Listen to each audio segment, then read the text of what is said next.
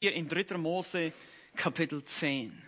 Es ist die Geschichte von Nadab und Abihu, die Söhne Aarons.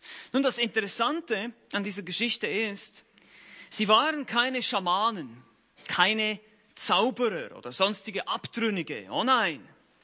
Sie waren sehr angesehen. Sie waren die beiden ältesten Söhne Aarons. Sie waren die Auserwählten, die sich beim Bundesschluss am Sinai Gott auf den Berg nähern durften, obwohl sich viele Leute da nicht nähern durften, sehen wir in 2. Mose 24, Vers 9. Sie werden da sogar namentlich erwähnt, nebst den 70 Ältesten, die nicht namentlich erwähnt werden, werden sie namentlich erwähnt. Sie sahen den Gott Israels, als er mit Mose redete, heißt es in 2. Mose 24, Vers 10. Diese Männer waren also privilegiert und gottesfürchtig. Aber etwas Schreckliches geschah mit ihnen. Und das sehen wir in 3. Mose Kapitel 10. Und ich möchte euch einfach die ersten zwei Verse vorlesen. 3. Mose Kapitel 10. Keine Angst, wir kommen noch zum Korintherbrief, aber wir machen das als Einstieg hier. Hier heißt es, aber die Söhne Aarons, Nadab und Abihu, nahmen jeder seine Räucherpfanne und taten Feuer hinein und legten Räucherwerk darauf und brachten fremdes Feuer dar vor den Herrn, das er ihnen nicht geboten hatte.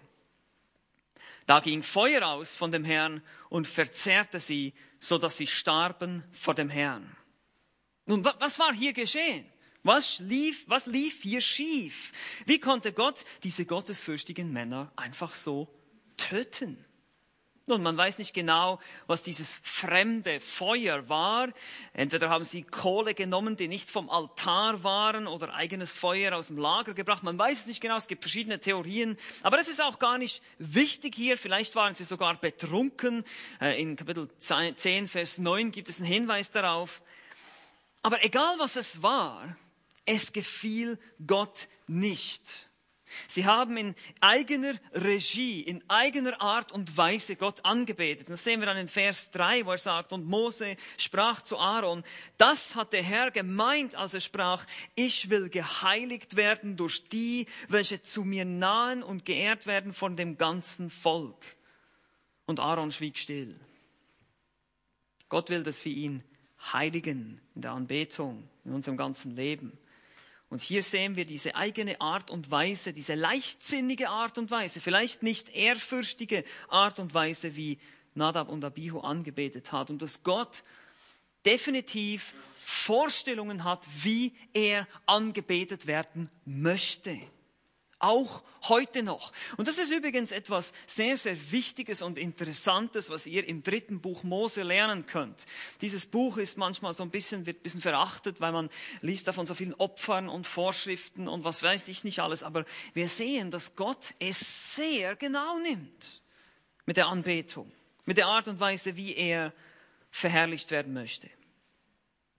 Nun, warum sage ich das? Wir haben letztes Mal damit begonnen, uns über die pfingstlich-charismatische Bewegung Gedanken zu machen, weil wir jetzt im Kapitel 12 im ersten Korintherbrief angekommen sind, wo Paulus über die Geisteswirkungen oder Geistesgaben spricht. Wir haben letztes Mal festgestellt, dass diese Bewegung ebenfalls fremdes Feuer vor Gott bringt, indem sie in erster Linie den Heiligen Geist falsch darstellt sein Wirken, seine Zeichen, seine Gaben in einer falschen Art und Weise praktiziert. Und für diejenigen, die jetzt nicht da waren letzten Sonntag, ich bitte euch, diese Predigt noch nachzuhören. Können jetzt hier nicht mehr so ausführlich darauf eingehen heute. Und wir sehen eine interessante Wechselwirkung zur Zeit Jesu im ersten Jahrhundert. Hab das heute Morgen in der, wir haben heute Theologie gehabt, der systematischen Theologie, haben wir darüber gesprochen, dass die Pharisäer die Sünde gegen den Heiligen Geist begangen haben. Sie haben die Werke des Heiligen Geistes dem Teufel zugeschrieben. Und die charismatische Bewegung heute macht genau das Umgekehrte. Nicht weniger schwerwiegende. Sie schreibt die Werke des Teufels dem Heiligen Geist zu. Es werden Dinge gemacht, wir haben das letztes Mal angeschaut, unmögliche Sachen, bellen und schreien im Geist und solche Dinge, die unmöglich vom Geist Gottes sein können. Und wir haben ebenfalls festgestellt, dass diese Art der Bewegung in der Christenheit nichts Neues ist. Es ist nicht etwa was Neues, dass es Bewegungen gibt, Bereits gab es die in der Kirchengeschichte. Und sogar die Gemeinde in Korinth war eine von ihnen, wo es Missbrauch der Geistesgaben gibt, das Dulden von gefälschten Geistesgaben, die wohl durch Dämonen gewirkt waren, Selbstdarstellung, Überheblichkeit, Stolz, gleichzeitig sehr viel Unmoral als Konsequenz daraus, blind für ihre eigene Sünde, blind für den wahren Sinn und Zweck dieser Geistesgaben ihren heilsgeschichtlichen Platz, ihren Einsatz in erster Linie für andere zur Erbauung des Leibes und nicht für sich selbst. Das alles haben die Korinther nicht verstanden. Ihr Platz in der Gemeinde ist nicht, um sich gegen andere aufzublasen, um sich selber gut zu fühlen, was ich doch für ein toller, begabter Mensch bin. Das ist genau das, was die Korinther gemacht haben und einen Gottesdienst in ein Chaos zu verwandeln, weil alle reden wollten in Sprachen oder in Zungen und alle wollten Prophetien ausstoßen. Aber all das, all das finden wir heute ebenfalls in der pfingstlich-charismatischen Bewegung und in ihren Ablegern. Und deshalb ist dieser Textabschnitt hier in 1. Korinther 12 bis 14, die ganzen drei Kapitel, habe ich euch gesagt, ist ein einziges Argument, spricht auch in unserer Zeit, spricht sehr aktuell in unserer Zeit. Und wie gesagt, wir haben deshalb letztes Mal damit begonnen, uns mit dieser Problematik auseinanderzusetzen, das Verständnis der Geistesgaben. Wir haben gesehen, dass damals in Korinth es diese Probleme auch schon gab, den sogenannten Mysterienreligionen, in denen ekstatische Zustände als die höchste Form mit der Gemeinschaft einer Gottheit gesehen wurde. Und von, diesem, von dieser Kultur waren die Korinther damals beeinflusst. Wir haben Parallelen gezogen von den Ursprüngen dieser Mysterienreligion, die zurückgehen bis zum Turmbau zu Babel, über die Griechen, die Alten, äh, die Römer und so weiter. Wir haben Ähnlichkeiten gesehen, bis Parallelen zu heute, zu der heutigen Pfingst- und charismatischen Bewegung in unseren evangelikalen Kreisen. Wir erkannten auch, dass die heutige pfingstcharismatische Bewegung seit ihren Anfängen auf Erfahrung anstatt auf gesunder Lehre aufbaut. Wir haben uns einen kurzen Abriss angeschaut über die Geschichte der Herkunft, wo die, wo die äh, Bewegung angefangen hat, wo die erste Person angefangen hat, in Zungen zu reden und man dann irgendwann mal festgestellt hat, dass es gar keine Sprachen waren, obwohl man das erwartet hat. Wir haben auch die vielen Widersprüche gesehen, Skandale, unbiblische Praktiken in dieser Bewegung von Anfang an, was sie sehr unglaubwürdig macht. Eine Bewegung, die durch den Heiligen Geist ins Leben gerufen sein soll, angeblich, würde sich nicht so charakterlich entpuppen.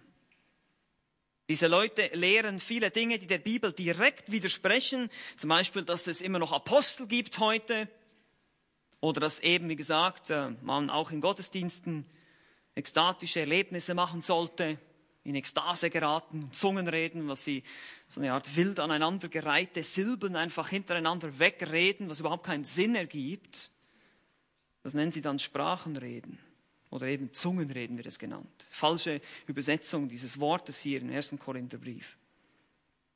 Daher, wie gesagt, dieser Abschnitt ist äußerst, äußerst wichtig, äußerst aktuell für uns heute. Paulus korrigiert in Kapitel 12 bis 14 dieselben Dinge, dieselben Probleme, die wir auch heute in der charismatischen Bewegung sehen. Sehr interessant. Ich möchte nochmal heute unseren Text lesen. Es ist immer noch Vers 1, kommt noch nicht viel weiter. Kapitel 12, Vers 1.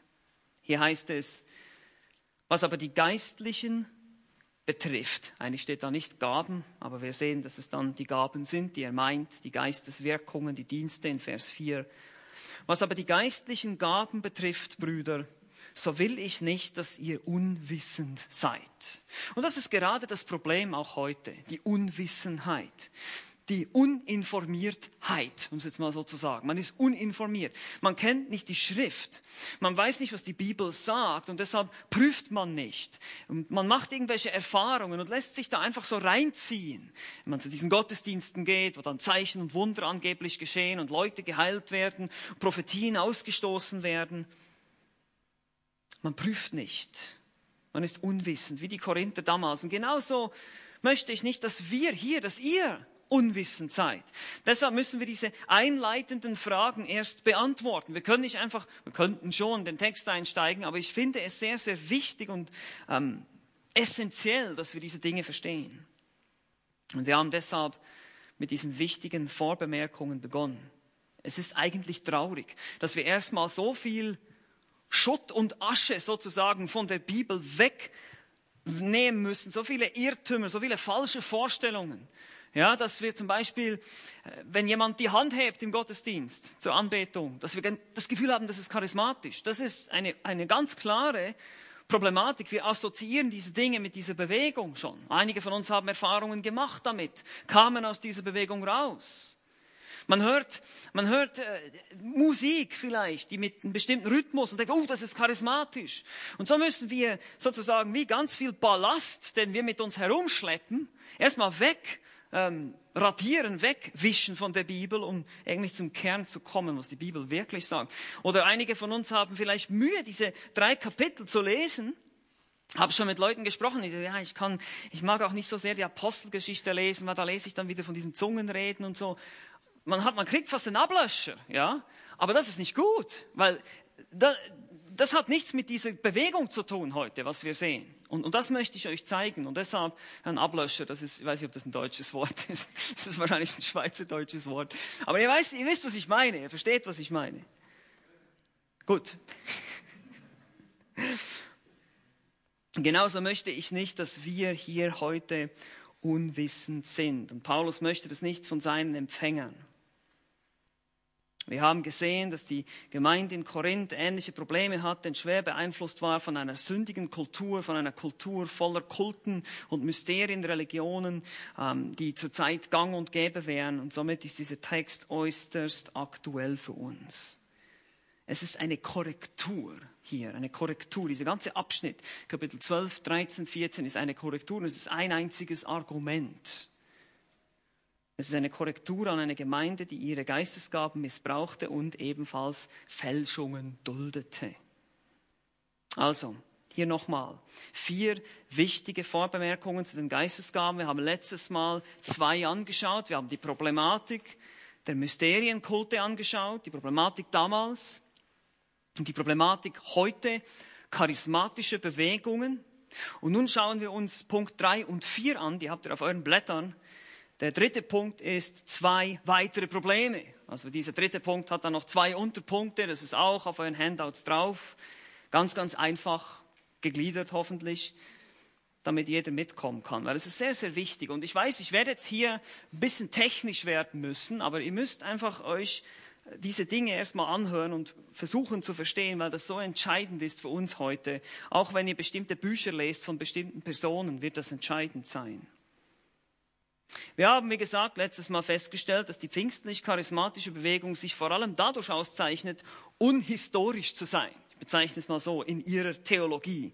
Sie basiert auf Erfahrungen, nicht auf Dingen, die treue Männer Gottes durch die Kirchengeschichte hindurch immer wieder gelehrt haben, feste, äh, gute Theologie, sondern Erfahrungen, basiert ihre Theologie auf Erfahrung. Das habe ich erlebt, also muss es wahr sein. Das ist das Motto.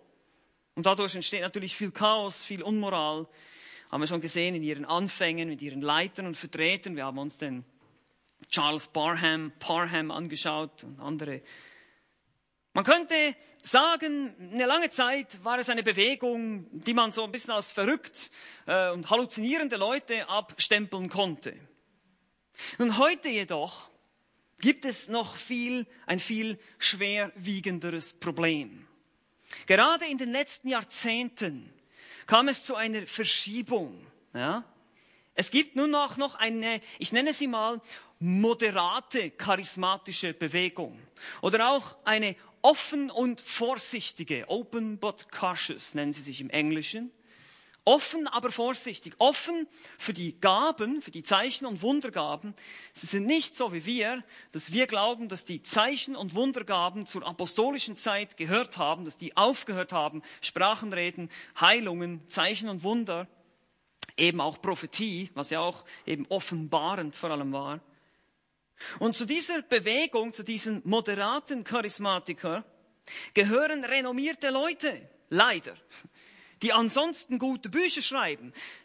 John Piper, D.A. Carson, Wayne Grudem, wo wir sogar eine systematische Theologie auf Deutsch haben. Und ihr müsst euch da nochmal die, die Seiten über den Heiligen Geist anschauen. Dann werdet ihr schnell merken, dass der da was komplett anderes lehrt als das, was wir glauben. Und diese Leute sind, soweit ich das sehen kann, echte Gläubige. Versteht mich nicht falsch. Ich will diese Leute, diesen Leuten nicht den Glauben absprechen. Sie predigen dasselbe Evangelium wie wir und deshalb können wir ihre Bücher teilweise lesen. Aber, aber, gut aufpassen jetzt, durch ihre Offenheit gegenüber dem Weiterexistieren dieser Zeichen und Wundergaben verleihen sie der gesamten charismatischen Bewegung eine Art Glaubwürdigkeit oder Gelehrsamkeit. Wir können, es reicht nicht mehr aus, die Leute einfach sozusagen abzustempeln, nur dass wir das jetzt nicht wollen, aber einfach zu sagen, hey, das, die basieren nur auf Erfahrung, das sind Leute, lauter Verrückte hier, sondern nein, jetzt kommen Leute, die versuchen, die Bibel dahingehend auszulegen und zu zeigen, von der Schrift her sehen wir, dass es diese Gaben noch geben muss. Von der Schrift her versuchen die das jetzt zu belegen und geben diese Bewegung eine gewisse Gelehrsamkeit. Nun haben wir Charismatiker und Pfingstler plötzlich auch Gelehrte mit Doktortiteln auf ihrer Seite. Und das hat Einfluss, das hat Auswirkungen. Äh, vielleicht äh, merkt ihr das auch hier in Europa, in Amerika ist das ganz extrem.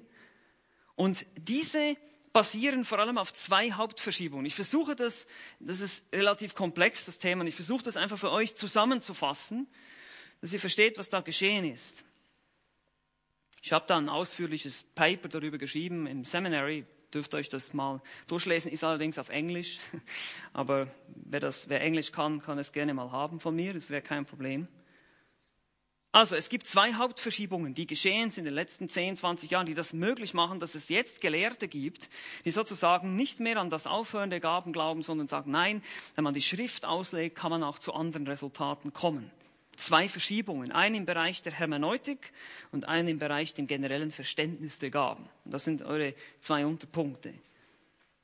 Das eine ist eine sogenannte hermeneutische Verschiebung, nenne ich das jetzt mal. Nun, die Hermeneutik, dieses Wort haben viele von uns schon gehört hier, wenn ihr öfters hier zur Gemeinde kommt. Es kommt von dem griechischen Wort Hermenuo, bedeutet erklären oder auslegen. Es geht dabei natürlich um die Prinzipien oder die Gesetze der Schriftauslegung. Wir haben ein ganzes Seminar darüber gemacht. Und dieses, diese Prinzipien, wie man die Schrift auslegt, sagen im Prinzip, geben uns die Spielregeln. Du kannst nicht einfach an einen Text rangehen und zum Beispiel irgendeinen Vers raussuchen und den für sich alleine stehen lassen und denken, das ist jetzt die Bedeutung, sondern oft ist da ein Zusammenhang. Oft ist da eben, wie ich schon sagte, im Kapitel 12 bis 14 ein gesamtes Argument. Und wenn du dir Dinge herausreißt aus dem Zusammenhang, dann kann das sehr gefährlich werden. Dann kannst du mit der Bibel alles beweisen. Ja, das einfache Beispiel Psalm 14, äh, die Bibel sagt, es gibt keinen Gott. Ja, heißt es da, es gibt keinen Gott, ja, sagt der Tor in seinem Herzen. Man muss den Zusammenhang lesen. Ein einfaches Beispiel, aber es gibt Regeln wie wir einen Text verstehen. Es gibt Regeln, wie wir einen, einen Text richtig verstehen. Und wir nennen das grammatisch-historische Methode. Ja, wir gehen grammatisch vor. Wir schauen uns, ja, die Grammatik kann die Verben und die Artikel und die Adjektive und die Partizipien und all diese Sachen, die wir schon lange vergessen haben seit der Schule. Aber die sind wichtig. Die müssen wir anschauen und dann schauen wir auf den historischen Hintergrund. Gerade bei dem Korintherbrief habt ihr sicherlich schon festgestellt, wie wichtig das ist dass wir uns mit dem kulturellen Hintergrund befassen. Sonst verstehen wir überhaupt nicht zum Teil, wovon Paulus hier eigentlich spricht. Und woher wissen wir das, dass die Regeln sind? Nun, die Bibel selbst legt sich so aus. Jesus und die Schreiber des Neuen Testaments wenden grammatisch-historische Prinzipien an, um die Schrift auszulegen. Sie nehmen sie wörtlich und berücksichtigen immer den jeweiligen Zusammenhang und historischen Hintergrund. Das sehen wir immer wieder, wenn Zitate gebracht werden im Neutestamentlichen, von neutestamentlichen Schreibern über das Alte Testament. Nun haben aber diese Gelehrte eine neue Herangehensweise, in Anführungsstrichen, an die Texte des Neuen Testaments. Diese neue Hermeneutik nimmt nun beispielsweise die Apostelgeschichte, welche Geschichtsschreibung enthält. Das sind also Ereignisse, die einmal so geschehen sind und beschrieben werden. aber nicht unbedingt eine wiederholte Erfahrung aller Christen aller Zeitalter sind, und macht daraus allgemeine Lehraussagen. Die Idee zum Beispiel der Geistestaufe anhand von Apostelgeschichte 10 und 19. Niemand würde auf die Idee kommen, dass zum Beispiel die Spaltung des Roten Meeres in 2. Mose 14, das Manna vom Himmel oder Wasser aus dem Felsen, 2. Mose 16, eine Erfahrung wäre, die wir alle immer wieder jeden Tag machen. Niemand würde auf diese Idee kommen. Aber diese Leute sagen, in der Apostelgeschichte sehen wir, dass Leute, wenn sie den Heiligen Geist empfangen, in Zungen reden. Deshalb muss es bei jedem so sein. Das ist eine Erfahrung, die wir heute sehen müssen. Ein zweiter Segen. Wir kennen diese Idee der zweiten Erfahrung. Nein, diese Dinge sind einmal geschehen. Und so auch viele Dinge in der Apostelgeschichte. Das ist beschreibende Literatur. Sie beschreibt Dinge, wie sie geschehen sind. Das heißt nicht automatisch, dass das unsere heutige Erfahrung sein muss. Überhaupt nicht. Genauso wie das, die Spaltung des Roten Meeres auch nicht. Wir können jetzt auch nicht hier runterfahren zum Mittelmeer nach Genua und dann kann ich da einen Stock und dann kann ich da rüberlaufen. Nein, das, Geht nicht. Und wenn ich allen Glauben aufbringen würde, würde das nicht gehen.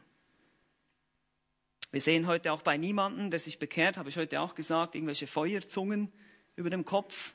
Das war nur in Apostelgeschichte 2, Vers 3, sehen wir das, wo der Heilige Geist kam, die Bestätigung brachte, diese Zeichen als Bestätigung auf die Apostel kamen. Wie wir noch sehen werden, ist es im Gegenteil eher so, dass man von der Schrift her, wenn man sie eben grammatisch, historisch auslegt, ein sehr gutes Argument machen kann für das Aufhören dieser spezifischen Gaben, Wundergaben, Prophetie und Sprachenrede. Eine zentrale Rolle spielt dabei der Vers 8 oder 8 bis 10 in Kapitel 13 des ersten Korintherbriefes, wo Paulus deutlich über das Aufhören der Gaben spricht. Wir werden noch sehr ausführlich darauf eingehen, deshalb will ich das jetzt nicht machen. Das einfach nur so als Vorschau, ähm, damit ihr äh, da bleibt und dran bleibt, die ganze Thematik. Spannung aufbauen. Wir werden noch sehen, auch was das Vollkommene da genau ist in diesem Vers. Aber wir haben auch andere Stellen. Es basiert nicht alleine auf 1. Korinther 13, Vers 8, dass wir glauben, dass die Zeichen und Wundergaben aufgehört haben. Wir haben heute Morgen auch Epheser 2,20 angeschaut dass die Gemeinde auferbaut ist als Grundlage, hat sie die Apostel und Propheten. Christus ist der Eckstein und dann wird darauf gebaut mit lebendigen Steinen. Die Grundlage wird wie viel mal gelegt? Einmal durch die Apostel und Propheten, die Offenbarungsträger und deshalb verschwinden die dann nach dem ersten Jahrhundert. In 2. Korinther 12, 12 sagt Paulus, die Zeichen eines Apostels sind unter euch gewirkt worden, in aller Geduld, in Zeichen und Wundern und Kraftwirkungen. Es zeichnet also einen Apostel aus, so wie so ein Bestätigungsstempel. Dies ist ein Apostel, wenn er diese Zeichen und Wunder tut. Da es heute keine Apostel mehr gibt, kann man auch davon ausgehen, dass diese Zeichen nicht mehr nötig sind. Oder auch Hebräer 2, 2 bis 4 ist eine weitere Stelle, die zeigt, dass Zeichen und Wunder als Stempel der Rechtheit von Gott für seine Offenbarungsträger gegeben wurde.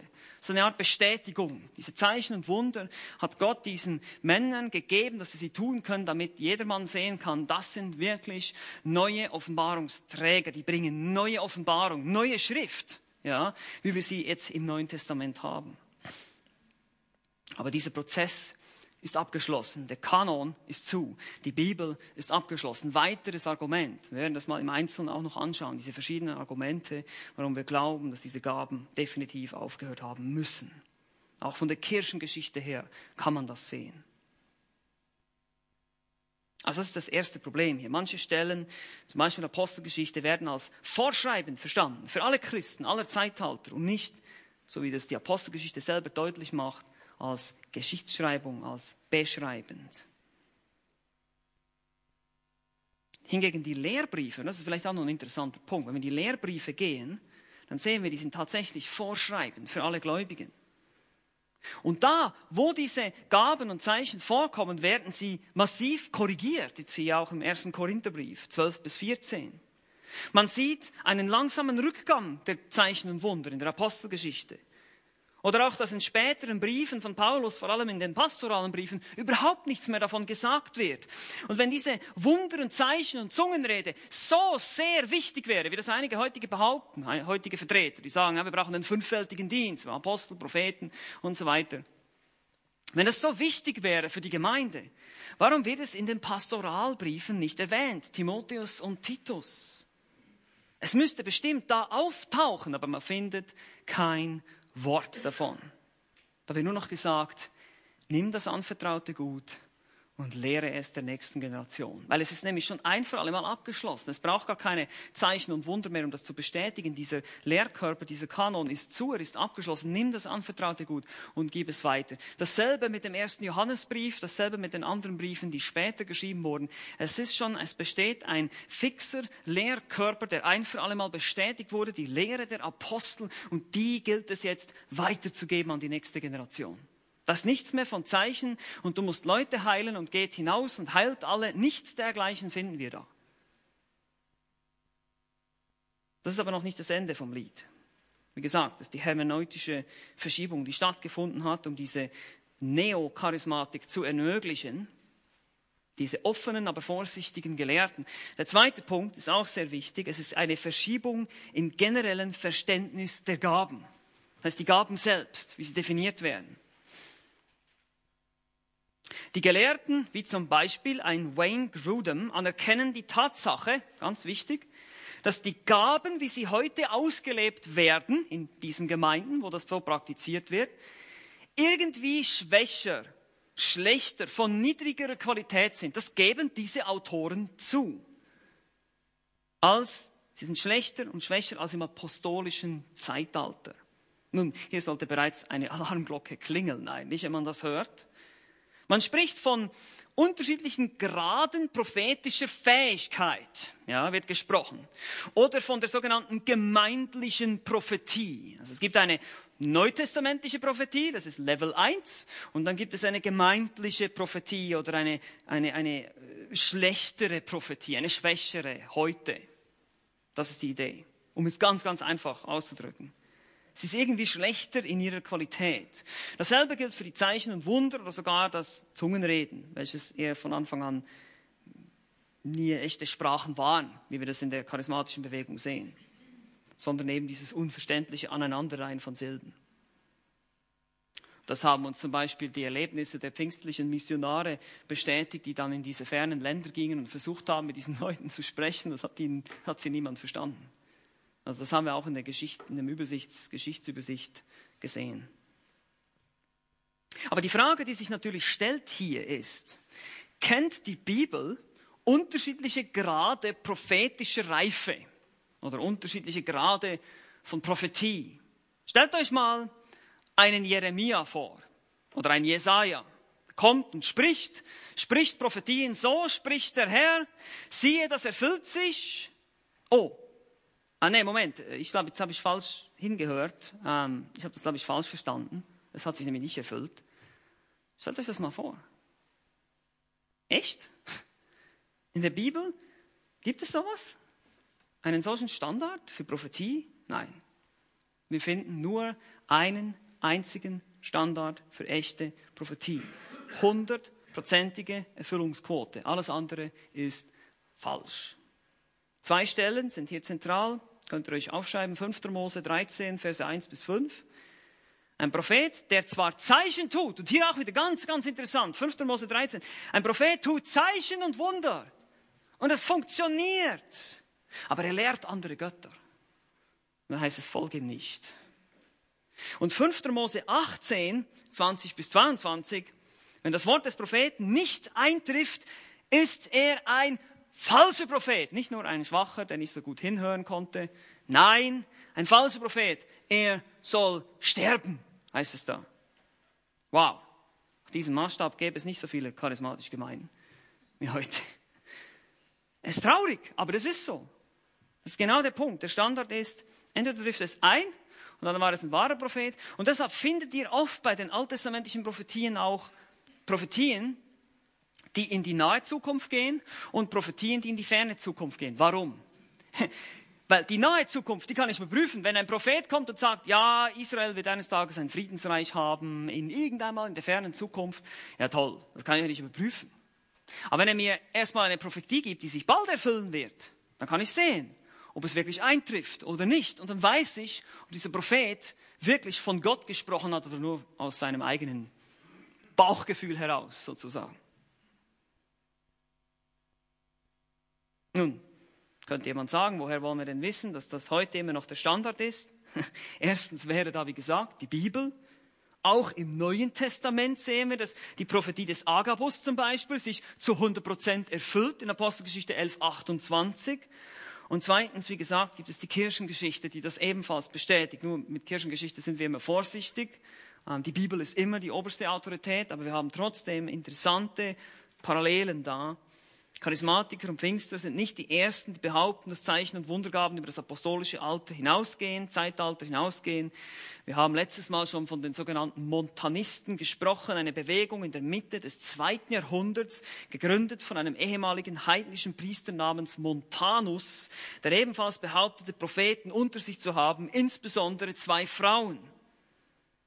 Und die wurden auf die gleiche Art und Weise, und das ist das Spannende, diese Bewegung wurde auf die gleiche Art und Weise widerlegt, nämlich dass sie Prophetien ausgestoßen haben, gesprochen haben, die nicht eingetroffen sind, anhand der Standards aus 5. Mose und Apostelgeschichte 11 wurden diese Bewegung überführt und als falsch identifiziert. Das heißt, schon damals in der frühen Gemeinde hat man geglaubt, dass diese Zeichen nicht mehr existieren und dass es keine unterschiedlichen Grade von Prophetie oder prophetischer Fähigkeit geben kann. Die Prophetien trafen teilweise nicht ein, daher mussten sie falsch sein. Dies reflektiert für uns auch, wie die nachapostolische Gemeinde zu dem Thema Zeichen und Wunder stand. Das ist interessant. Wir sehen, dass die Gemeinde nach diesen ersten 100 Jahren das ganz deutlich lehrte, dass diese Zeichen und Wundergaben weg waren. Der Montanismus, so wie viele andere Bewegungen, die ich, eine davon waren auch die Zwickauer Propheten, habe ich letztes Mal zu Luthers Zeiten erwähnt, wurden als Irrlehrer identifiziert und derart, also in der Art und Weise eigentlich verurteilt. Und nicht irgendwie als eine große Bewegung des wahren Christentums. Es gibt also weder gemäß der Schrift noch in der Kirchengeschichte einen Hinweis darauf, dass es so etwas wie fehlbare Prophetie, unvollkommene Zungenrede oder halbe Heilungen gäbe. Gibt es nicht. Es sind billige Fälschungen des Feindes, des Teufels der immer noch versucht, die Christenheit zu verführen, der umhergeht wie ein brüllender Löwe und sucht, wenn er verschlingen kann. Und deshalb ist es wichtig, dass wir heute die Geister unterscheiden.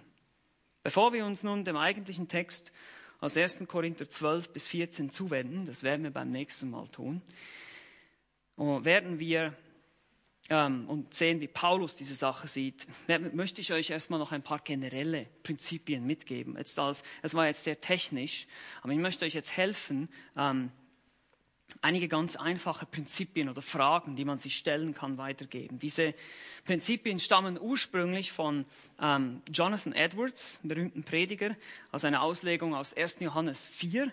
Und man findet sie auch in John MacArthurs Buch äh, Fremdes Feuer. Wenn ihr das noch nicht gelesen habt, dürft ihr das gerne tun. Da findet ihr diese äh, Prinzipien sehr ausführlich beschrieben. Ähm, ich möchte euch das jetzt nur zusammengefasst, kompakt mitgeben, zum Mitschreiben auch. Wann immer es darum geht, eine, eine Bewegung, eine Gemeinde oder irgendwas auf diese Geisteswirkungen zu prüfen, wann, wann ist im Generellen ein Werk wirklich vom Heiligen Geist und wann nicht? Wie können wir das, wie können wir das feststellen? Wie können wir das prüfen? Und das ist sehr interessant. Ihr werdet sehen, dass dieselben Prinzipien, die äh, der erste Johannesbrief, also der Apostel Johannes ansetzt in Kapitel 4, wird auch Paulus ansetzen in 1. Korinther 12 bis 14. Deshalb lasst uns jetzt für den Rest der Zeit einen Ausflug machen in den ersten Johannesbrief. 1. Johannes, Kapitel 4 und uns diese Prinzipien anschauen, jetzt quasi als Anwendung von dem Ganzen, was ich letztes Mal gesagt habe, was ich jetzt heute gesagt habe. Das ist der vierte Punkt, die Geister unterscheiden auf euren Blättern. Die Geister unterscheiden. Also, 1. Johannes, Kapitel 4, Verse 1 bis 8 gibt uns eine Anweisung, wie wir die Geister unterscheiden sollen. Hier heißt es, Kapitel 4, Vers 1 bis 8. Geliebte, glaubt nicht jedem Geist, sondern prüft die Geister, ob sie aus Gott sind. Denn viele falsche Propheten sind in die Welt ausgegangen. Hieran erkennt ihr den Geist Gottes. Jeder Geist, der Jesus Christus im Fleisch gekommen bekennt, ist aus Gott. Jeder Geist, der nicht Jesus Christus im Fleisch gekommen bekennt, ist nicht aus Gott. Und dies ist der Geist des Antichristen, von dem ihr gehört habt, dass er komme und jetzt ist er schon in der Welt. Ihr seid aus Gott Kinder und habt sie überwunden, weil der, der in euch ist, größer ist als der, der in der Welt ist. Sie sind aus der Welt, deswegen reden sie aus der Welt und die Welt hört auf sie. Wir sind aus Gott. Wer Gott erkennt, hört uns. Wer nicht aus Gott ist, hört uns nicht. Hieraus erkennen wir den Geist der Wahrheit, den Geist des Irrtums. Geliebte, lasst uns einander lieben, denn die Liebe ist aus Gott und jeder, der liebt, ist aus Gott geboren und erkennt Gott. Wer nicht liebt, hat Gott nicht erkannt, denn Gott ist Liebe. Bis hierher, Vers 8. Johannes schrieb diese Worte aus demselben Grund. Er wollte, dass die Christen in Kleinasien gegen Ende des ersten Jahrhunderts unterscheiden können zwischen einem Geist des Irrtums und einem Geist, der Geist der Wahrheit. Es gibt ja nur einen. Und zwar gab es damals diese gnostischen Irrlehrer, die auch eine falsche Theologie über Christus verbreiteten, mystische Erkenntnisse, ebenso eine Art mystischer Glaube, ähm, so ähnlich wie das auch in Korinth der Fall war. Noch ein bisschen in Korinth war es noch viel mehr im Anfangsstadium diese Gnosis, vermischt mit anderen Dingen.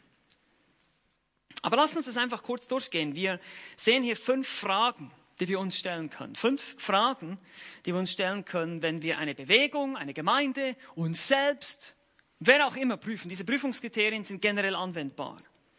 Also die erste Frage, die wir uns stellen, ist, verherrlicht das Werk Christus? Wir sprechen jetzt hier immer vom Werk eines Geistes, irgendeiner Wirkung, irgendeiner Kraft oder auch irgendeiner Gemeinde oder einem Prediger oder einem Lehrer. Deshalb nenne ich es einfach mal Werk. Verherrlicht das Werk Christus. Verse 2 und 3 heißt es ganz klar, wie gesagt, wir werden aufgerufen, die Geister zu prüfen. Und dann heißt es, daran erkennt ihr den Geist Gottes. Jeder Geist, der bekennt, dass Jesus Christus im Fleisch gekommen ist, der ist aus Gott. Jeder Geist, der nicht bekennt, dass Jesus Christus im Fleisch gekommen ist, der ist nicht aus Gott. Und das ist der Geist des Antichristen, von dem ihr gehört habt, dass er kommt und jetzt schon ist er in der Welt. Ein wahres Werk des Heiligen Geistes weist auf Christus hin. Es verherrlicht den biblischen, den echten Christus. Das, die, das, das ist die wahre Natur Christi. Ihr seht das hier, die Gnostiker lehnten die Fleischwertung ab. Jesus konnte unmöglich Mensch sein. Und deshalb weil das ihre griechische Philosophie so vorschrieb. Und deshalb muss er irgendwie ein Phantom gewesen sein. Deshalb erschien er nur als Mensch. Oder der, der Christusgeist verließ ihn vor, kurz vor der Kreuzigung. Nur ein Mensch starb. Der hat alles unterschiedliche Theorien gehabt. Und Johannes sagt nein. Wenn, wenn ein Werk wirklich vom Geist Gottes ist, dann muss es die wahre Natur, so wie Christus in der Schrift von uns Aposteln gelehrt wird, muss es ihn präsentieren. Egal wie sehr die Leute behaupten, an Jesus zu glauben.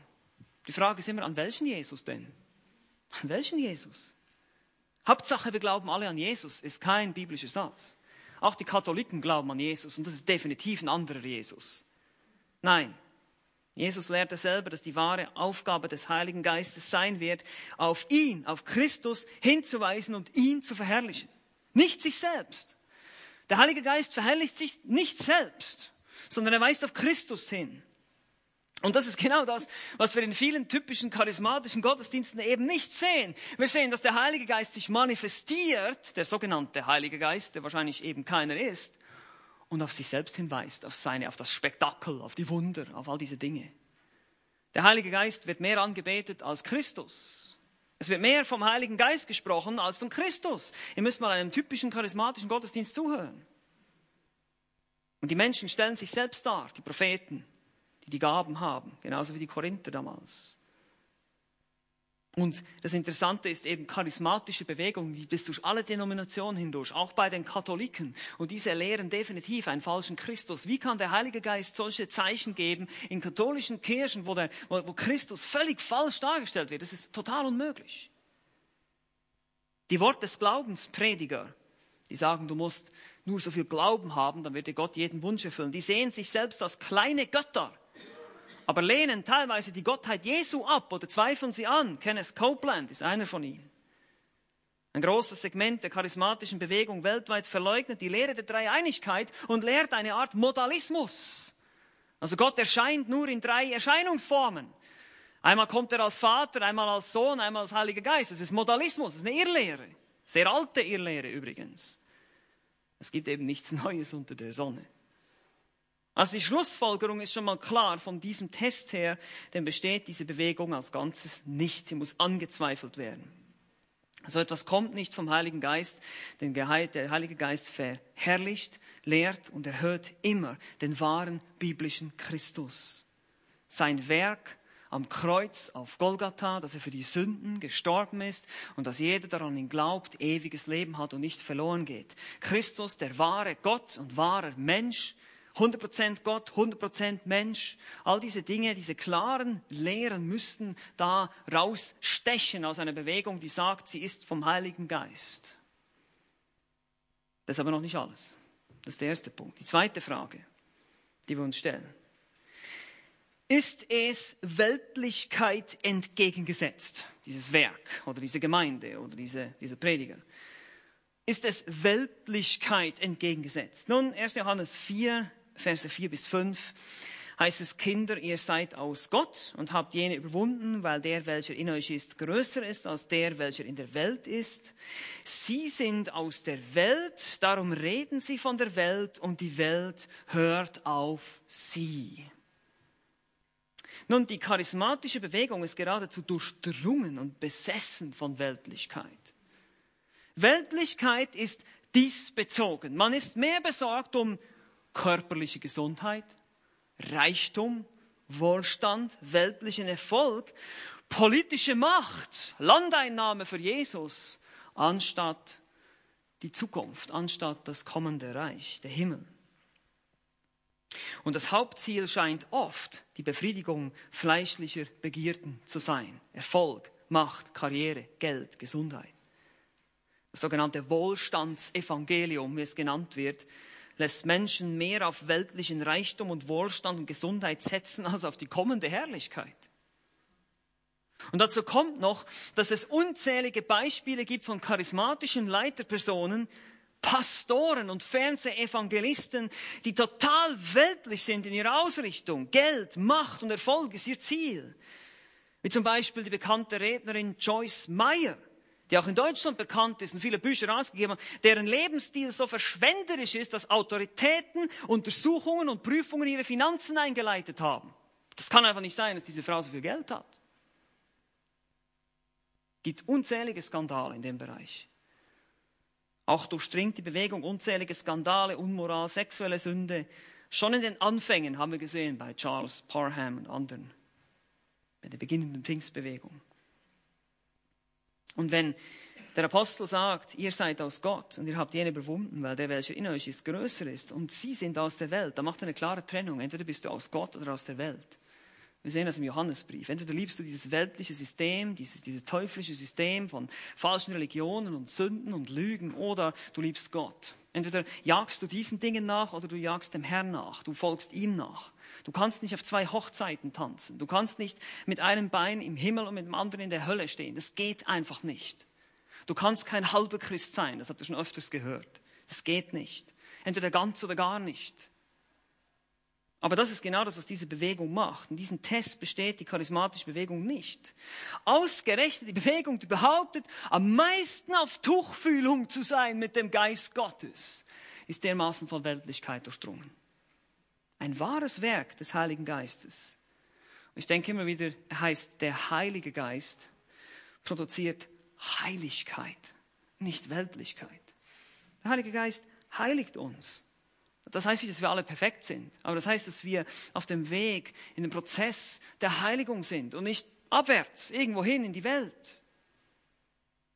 Das ist das Zweite.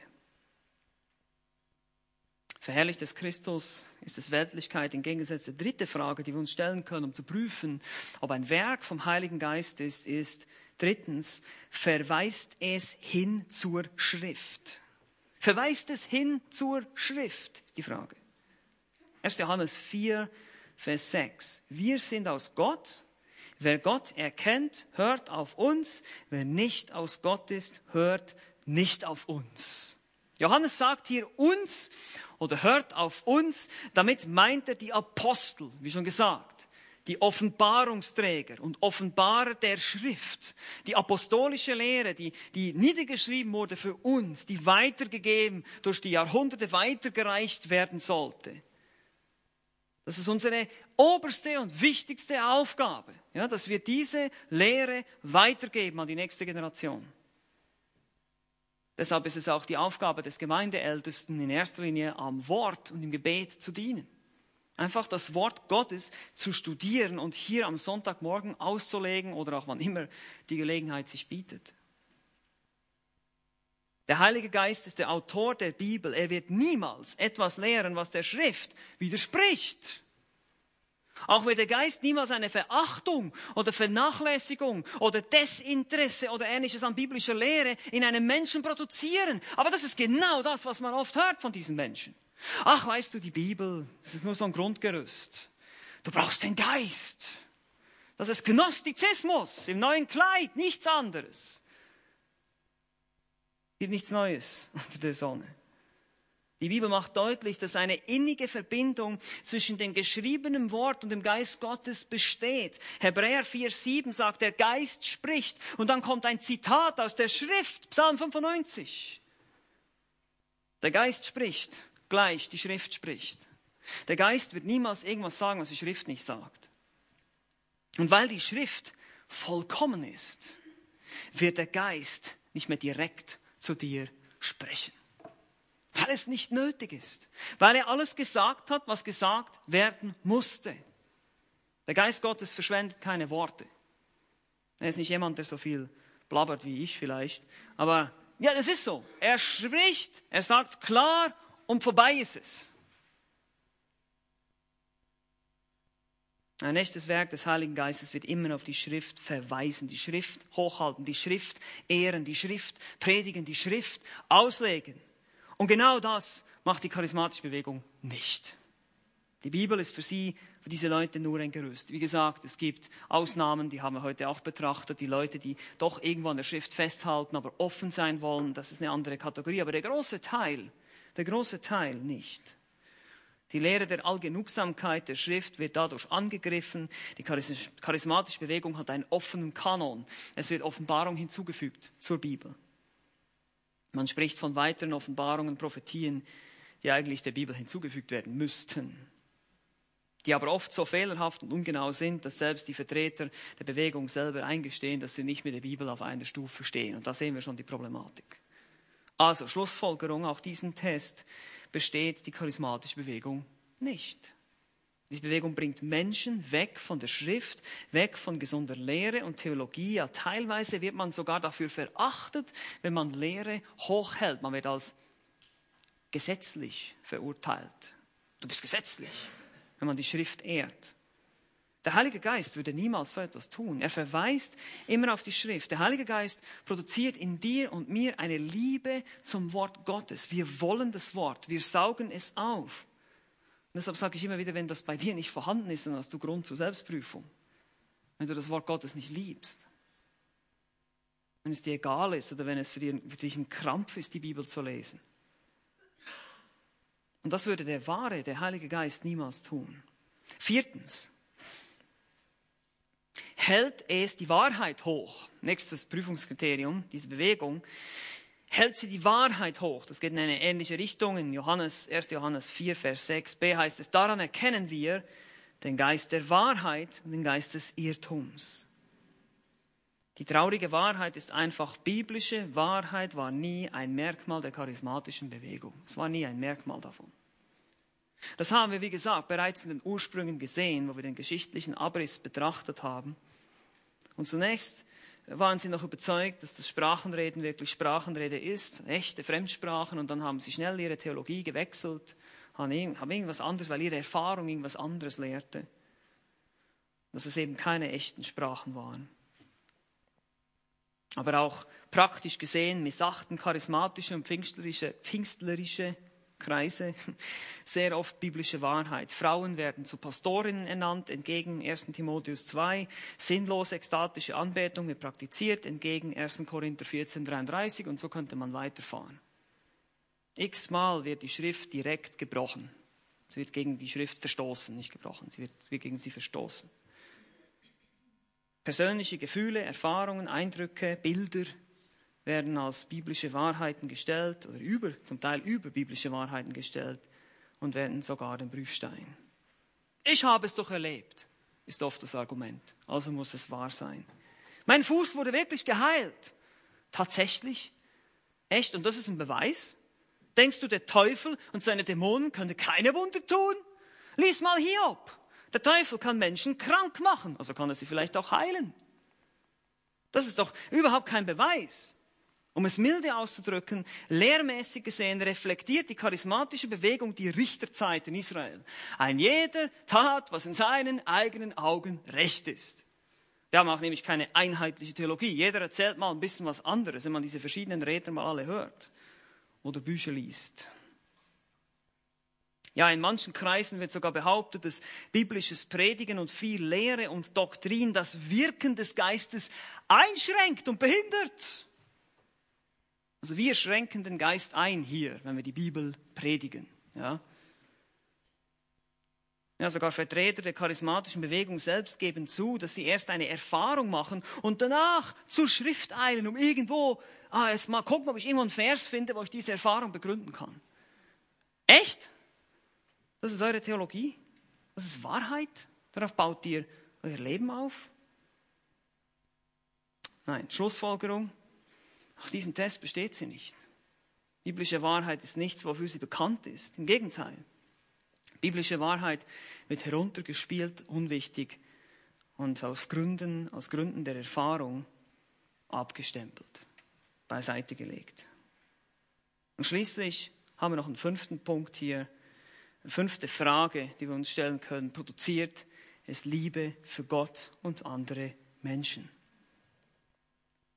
Geliebte Lasst uns einander lieben. 1. Johannes 4, Verse 7 und 8.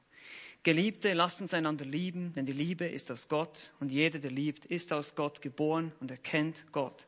Wer nicht liebt, der hat Gott nicht erkannt, denn Gott ist Liebe. Liebe ist ein Aspekt, wenn nicht der Aspekt des, der Frucht des Geistes. Wo immer der Geist wirkt, wird es selbstlose, aufopfernde Liebe geben. Ich muss das betonen, weil heute wird Liebe auch falsch verstanden. Liebe ist nicht irgendwas Emotionales in erster Linie oder Sentimentales, sondern Liebe ist selbstlos, aufopfernd, dienend, gebend. Und die Leute, die betrunken im Geist sind, chaotische Gottesdienste veranstalten und taumeln und torkeln, weil sie angeblich vom Geist erfüllt sind, das ist eine Beleidigung des Heiligen Geistes. Es steht der biblischen Anbetung in Geist und Wahrheit einfach entgegen. Johannes 4, 24. Auch diese Suche und das Verlangen nach Erfahrungen, einfach nur, das ist selbstsüchtig und fleischlich. Ich will irgendwas erleben. Haben wir schon gesehen, ne, warum diese Bewegung so erfolgreich ist. Wir kommen in den Gottesdienst und es wird auch so angepriesen. Du wirst hier was erleben, was Übernatürliches, was Wunderbares. Wirst du erleben. Es hat etwas mit Liebe zu Gott, noch mit Liebe zu Menschen zu tun. Und genau das wird Paulus auch im 1. Korinther 12 bis 14 ziemlich deutlich machen, wenn er über die Liebe spricht, was die Liebe ist und wie sie sich auswirkt auf unseren Dienst, wie wir unsere Gaben richtig einsetzen sollten. Dass es zur Erbauung der anderen geschehe, nicht um meiner selbst willen. Aber die charismatische Bewegung hat diese Absicht Gottes auf den Kopf gestellt. Sie stellt sich selbst dar, dient sich selbst. Es geht um die Erfüllung meiner selbst, den Kick, die Erfahrung zu bekommen und ich denke dann dadurch werde ich irgendwie heiliger. Die Schlussfolgerung, auch diesen Test besteht die charismatische Bewegung nicht. Sie ist als Großes und Ganzes selbstsüchtig, strebt nicht nach wahrer Liebe, sondern nur nach persönlicher Erfüllung. Oh, und es wird, es wird viel von Liebe gesprochen, diese Bewegung. Das ist klar ja, ja, Liebe und so weiter. Aber wir müssen sehr, sehr vorsichtig sein, auch hier. Wie bei Jesus, wir glauben alle an Jesus, so ist es auch bei der Liebe ein Problem, dass viele Leute sagen, ja, wir müssen einfach alle einander lieben. Wir müssen alle einander lieben, alle lieben. Und ich sage, Moment mal, Liebe geht aber nicht über die Wahrheit. Okay, wir, wir können nicht Irrtum tolerieren, wir können nicht Sünde tolerieren, deswegen. Die Liebe, wenn sie wahre Liebe ist, dann züchtigt sie auch. Wenn sie wahre Liebe ist, ermahnt sie auch. Wenn sie wahre Liebe ist, stellt sie Irrtum als bloß und sagt, das ist falsch, das ist nicht biblisch, das ist nicht böse, das ist nicht böse gemeint, das ist Liebe. Aber das wird oft falsch verstanden und dann wird man natürlich angegriffen dafür. Und das hat nichts damit zu tun. Deshalb müssen wir natürlich auch definieren, was ist biblische Liebe. Und das wird Paulus tun im 1. Korinther 13. Das werden wir noch anschauen. Für uns bleibt einfach diese Frage. Es gibt viel Narrengold heute, Fälschungen, fremdes Feuer, das dargebracht wird. Und wir müssen uns davor schützen. Und es kommt auch aus der pfingstlich-charismatischen Bewegung. Es ist sehr, sehr weit verbreitet. Es steht aber nicht, es besteht aber nicht den Test, wenn man die Geister prüft, gemäß 1. Johannes 4, 1 bis 8. Und auch der Abschnitt in 1. Korinther 12 bis 14 wird uns genau das zeigen, wird viel Licht auch auf diese Bewegung ähm, werfen und gleichzeitig uns belehren, wie wir richtig mit den Geistesgaben umgehen sollen. Das ist natürlich klar. Wir wollen ja nicht nur negativ sein. Ich weiß, diese beiden Predigten waren jetzt sehr polemisch und, und ich habe jetzt hier wirklich angegriffen und verteidigt, aber es geht ja auch darum, dann positiv zu sehen, was will Paulus denn? Was sollen wir stattdessen tun? Wir wollen nicht nur das, das Schlechte ablegen, sondern das Gute anziehen. Wir wollen das Richtige tun. Und es gibt einen richtigen Umgang mit den Geistesgaben. Und den lehrt uns Paulus auch in 1. Korinther 12 bis 14. Aber lasst uns bis daher einfach innehalten und uns diese fünf Fragen stellen und uns Gedanken machen darüber. Bin ich vielleicht irgendwo auf Narrengold hereingefallen? Habe ich vielleicht irgendwo mal ein Buch gelesen und ich baue mein Leben jetzt auf diesen Prinzipien auf? Gebet der inneren Heilung und solche, das sind alles solche Sachen. Es gibt so viele verschiedene Dinge, man muss es wirklich alles prüfen. Ich habe gerade jetzt neulich ein Buch gesehen und wir müssen prüfen anhand der Schrift, was sind diese fünf Fragen. Wir gehen diese Fragen durch und prüfen alles, was wir sehen und behalten nur das Gute. Möge der Herr uns dabei helfen. Amen. Lass uns noch beten zusammen.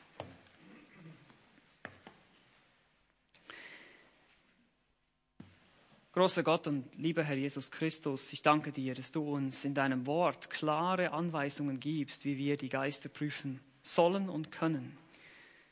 Danke, dass du so gnädig bist und uns hilfst, klar zu sehen. Hilf uns zu verstehen, dass auch viele Menschen verführt sind, die in diesen Bewegungen stecken, die ähm, diese Lehren hören und versuchen tatsächlich aus wahren Motiven dir nachzufolgen, aber sie sind verführt, sie erkennen nicht und hilf ihnen zu verstehen. Diejenigen, die wirklich gläubig sind, ihren Geist in sich haben, dass sie die Wahrheit erkennen und die Wahrheit sie frei macht dass dein Wort allgenugsam ist, dass es wirklich ähm, alles ist, was wir brauchen, dass wir keine zusätzlichen Offenbarungen, zusätzlichen Zeichen und Wunder brauchen, um Menschen zu überzeugen oder um uns selbst zu überzeugen, sondern vielmehr festhalten an dem, was uns ein für allemal überliefert wurde. Bitte hilf uns dabei, sei du gnädig, hilf uns allen Unterscheidungsvermögen zu haben, wenn so viele verschiedene Dinge, Angebote, Bücher, Prediger auf uns einwirken, dass wir uns hüten davor, einem Geist der Verführung auf, ja, auf, die, äh, auf den Leim zu gehen, einfach hereinzufallen. Bitte bewahre uns davor, Herr. Ich danke dir, dass du Gnade schenkst, jetzt auch für diesen Sonntag, dass wir noch lange darüber nachdenken dürfen. In Jesu Namen. Amen.